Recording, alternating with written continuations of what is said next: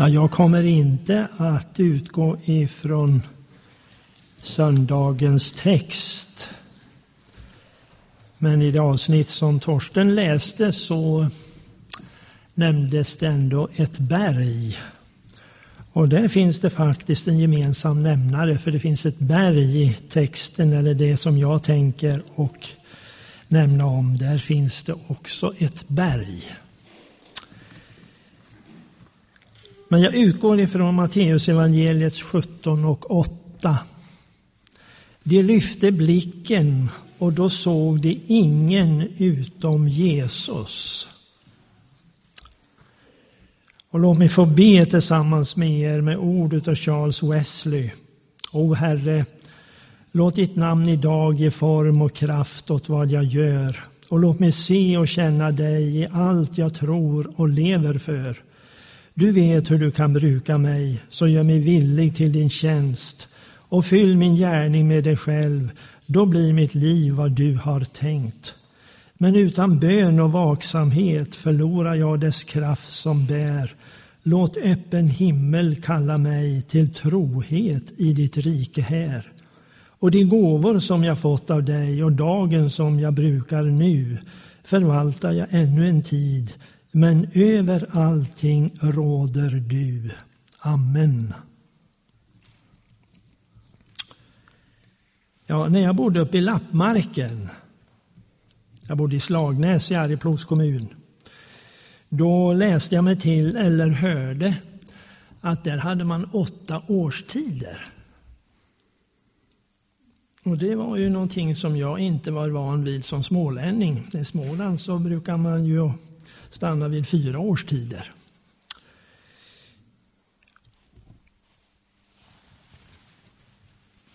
Och nu är våren på väg här i våra trakter. Det är ju en tidig vår. Jag läste i ortstidningen att man till och med hade plockat blåsippor och för cirka en månad sedan så hörde jag talgoxen börja fila på sin vårvisa. Och det dröjer nog inte så länge för vi kan höra taltrasten eh, sjunga och då är det ju verkligen vår. Men låt mig några minuter återvända till lappmarken. För där fanns det något som vi inte hade i Småland och då tänker jag på renarna. Och det är ju något exotiskt för oss som kommer söderifrån. Eh, och finns det något näbnare än en renkalv? Och vid ett tillfälle så fick jag förmånen att träffa Norrbottens rikaste same och då passade jag på att fråga honom vad var det värsta som han hade varit med om i renskötseln. Och jag trodde ju att det var när något rovdjur hade attackerat renjorden, men det var det inte. Är det någon av mina vänner här i kyrkan idag som har någon tanke om vad det kunde vara?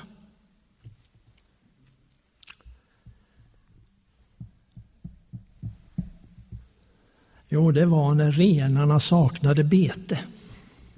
Det var det värsta som han hade upplevt. Eh, en varmt troende samepoet, Ellen Sylvia Blind, hon skaldade i sin dikt att jag saknar och den återfinns i hennes diktsamling Min tro och mitt liv. Och där skaldade hon, jag längtar till vidderna för att se mina renar och när våren kommer blir jag rastlös, jag får ingen ro. Hörde du vad hon skrev? Jag längtar till vidderna. Och jag tror att det är ett behov hos varje människa att då och då få göra utblickar, att få komma upp på ett fjäll eller berg och njuta av utsikten, eller att stå vid en havsstrand och se himmel och jord mötas. Det är ett behov.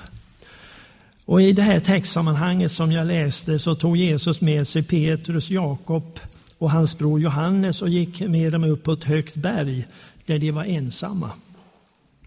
Och traditionen menar att det var Hermon, ett berg på gränsen mellan Libanon och Syrien. Det är 2700 meter högt. Och i Bibeln kallas det också Sirion.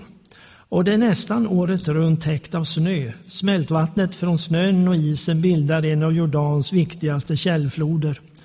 Hermon ligger cirka två mil nordost, nordost om Caesarea Filippi. Och på berget så fick ju lärjungarna vara med om en mycket märklig syn. Jesu utseende förvandlades och Elia och Mose talade med honom och synen slutade med att en röst från himlen liknade den som hördes då Jesus döptes sa Denne är min älskade son, hören honom. Och Mose och Elia representerade de två huvuddelarna i Gamla testamentet, nämligen lagen och profeterna. Och deras närvaro visade att allt uppfylldes i Jesus. Och hur var det då med Petrus? Ja, han ville till och med bygga hyddor för att upplevelsen skulle vara länge. Men det var inte syftet. Men synen bekräftade riktigheten av den väg Jesus hade valt. Och den pekade mot den härlighet som en dag skulle bli hans. Men innan dess måste han dö på korset. Detta var samtalsämnet för Mose och Elia, Jesu lidandes väg. Men lärjungarna förstod inte detta förrän efter uppståndelsen. De lyfte blicken och då såg de ingen utom Jesus. Och det är de orden som jag vill lyfta fram här idag. Jag behöver lyfta blicken. Och jag tror att ni som lyssnar, ni kanske har samma önskan. Vi behöver på nytt lyfta vår blick på Jesus. Han vill ge oss nytt mod, nya visioner och nya välsignelser i det arbete som vi står inför och i. Och I den här texten så står det att Jesus gick fram och rörde vid dem och sa Stig upp och var inte rädda.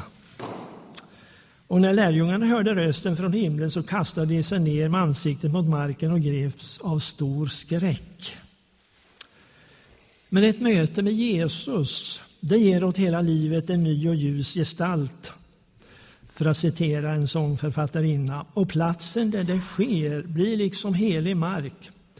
Så var det för Petrus. För ett av sina brev skriver han det var inte några skickligt hopdiktade sagor jag byggde på när jag för er förkunnade vår Herre Jesus Kristi makt och hans ankomst utan jag hade med egna ögon sett honom i hans majestät, ty han mottog ära och härlighet från Gud sin fader, när en röst kom till honom ur denna majestätiska härlighet. Detta är min älskade son, honom har jag utvalt. Och den rösten hörde jag själv komma från himlen när jag var med honom på det heliga berget. Den synen som han då fick uppleva, den bevarade han och den var han märkt av för hela livet. Så var det även för Mose. Efter 40 år uppenbarade sig Gud för Mose. Han såg en ökenbuske som flammade men inte brann upp. Och han visste att eh, Gud talade till honom och befallde honom att gå tillbaka till Egypten och be farao släppa hans folk. Och det tillfället glömde inte Mose. Och i sin välsignelse över Israels stammar säger han om Josef om en nåd från honom som bodde i busken. Och även Elia hade fått möta elden, Guds eld. Elia bad till Gud och eld föll från himlen och brände upp hans offer. Och när han fullgjort sitt verk så tog Gud honom till himlen i en vagn av eld. Och ett möte med Jesus kan också innebära att vi blir berörda av hans eld. Han är den som döper i helig ande och eld och elden förtär allt som är obehövligt och lämnar kvar det som är ädelt. Göte Henriksson som eh, under flera år var biståndssekreterare inom eh, Örebromissionen kanske, numera är det Evangeliska Frikyrkan. Han stod i spetsen för Bröd till bröd, och nu heter det Ge för livet som ni säkert alla vet. Och han skrev vid något tillfälle att det behövdes eldsjälar i arbetet med Bröd till bröder. Och det är säkert sant. Men vi behöver eldsjälar i våra församlingar också. Eh, du kanske har hört berättelsen som eh, söndagsskolsekreterare Harry Fredin eh, har med i sin bok Berätta för oss att vid ett tillfälle då den danska folkhögskolerörelsens grundläggare Kristen Kold var ute på en av sina sedvanliga långvandringar gick han förbi en järnvägsstation. Och just som det stod ett tåg inne på stationen. Det var i järnvägarnas begynnelsetid och Koll gick fram på perrongen för att se närmare på tåget och då stod där en bondpojke med öppen mun och förvånade ögon betraktade lokomotivet. Och det har man ju egen erfarenhet utav eh, när man var liten pojke att lokomotivet det var väldigt intressant och man ville ju inte lämna stationen förrän lokomotivet startade på nytt.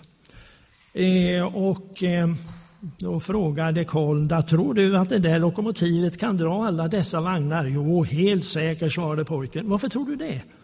Jo, det är för att det har eld i sig, svarade pojken rast. Då la Kohl sin hand på pojkens axel och sa med värme i rösten. Gud give att himmelens eld alltid brunnit i ditt hjärta, min pojke. Då skall även du förmå att uträtta något stort och gott i ditt liv. Just det. Gud give att himmelens eld alltid brunnit i våra hjärtan. Och jag tror det var Lyckselekvartetten som på sin tid sjöng i en sång att Fader, låt mig inte tappa gnistan. Och den bönen tror jag Herren gärna besvarar. Han vill att vi ska vara brinnande i vår ande och vill att vi ska tjäna honom. Och ett möte med Jesus ger också andlig klarsyn. I sin andaktsbok Allt för honom så skriver Oswald Chamber så här. Eh, bestäm dig för att veta mer än andra. Om du inte själv sliter av förtöjningarna så måste Gud få loss dig genom en storm för att kunna sända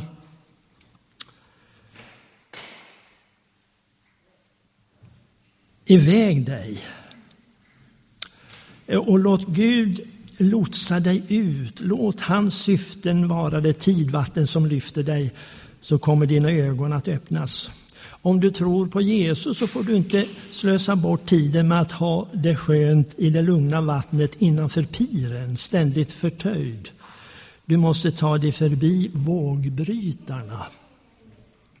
Ut på Guds stora djup, där du kan få insikt om saker och ting, börja få en andlig klarsyn.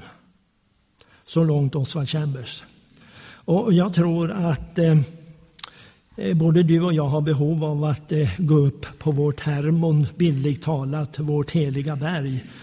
Skaffa dig det för utrustning och proviant, för det kan vara en mödosam vandring, men den är värd sitt pris. Vi får möta Gud och vi får möta den uppståndne. Och han vill säga till oss, som han sa till Johannes i Uppenbarelseboken, var inte rädd. Jag är den första och den sista och den som lever. Jag var död och se, jag lever i evigheters evighet och jag har nycklarna till döden och dödsriket. De här mötena är kanske så heliga för en att man inte talar om dem, men vi behöver dem när vi går ner till människorna i dalen. Och efter en sån här bergsupplevelse med Gud då får vi också den rätta inställningen till människors frälsning och räddning. Och hur var det William Booth sa? Att så länge det fanns en människa som saknade Guds ljus så ville han kämpa. Han vill kämpa ända till slutet. Till sist Tänk om 2015 fick bli det år då många Guds barn billigt talat ville bestiga det andliga berg som syns vara omöjliga att nå upp till. Där på toppen väntar välsignelse. Det har Jesus själv bestämt möte med dem och han är mån om de sina att de ska hålla ut och inte ge upp och han är mån om de andra, de som ännu inte hört evangeliet. De måste få chansen att omvända sig. I boken Nådegåvorna, församlingens arbetsutrustning, så är det en mycket fin, gedigen berättelse. Lyssna. En kvinna i Uppland bodde i ett litet hus vid älvstranden. De sista 20-25 åren hade hon mest varit sängliggande på grund av gikt i lederna och så fick bygden vara med om en stor väckelse. Predikanten som talade kom och besökte den gamla kvinnan och han berättade om eh, dem som vunnits för Guds rike. Och så fick han se hennes bönelista. Alla som blivit frälsta fanns på hennes lista. Och då förstod predikanten att det var nog henne Gud först och främst använt som sitt redskap. Den gamla trosystern hade nog både en och två gånger gått upp för det heliga berget vilket lett till trohet i bönetjänsten och det blev seger. Det finns säkert många områden som vi behöver uppleva förnyelse i för att bli det som Gud har tänkt. Så därför börja din vandring uppför det heliga berget under detta år. Det kommer du inte att ångra. Amen.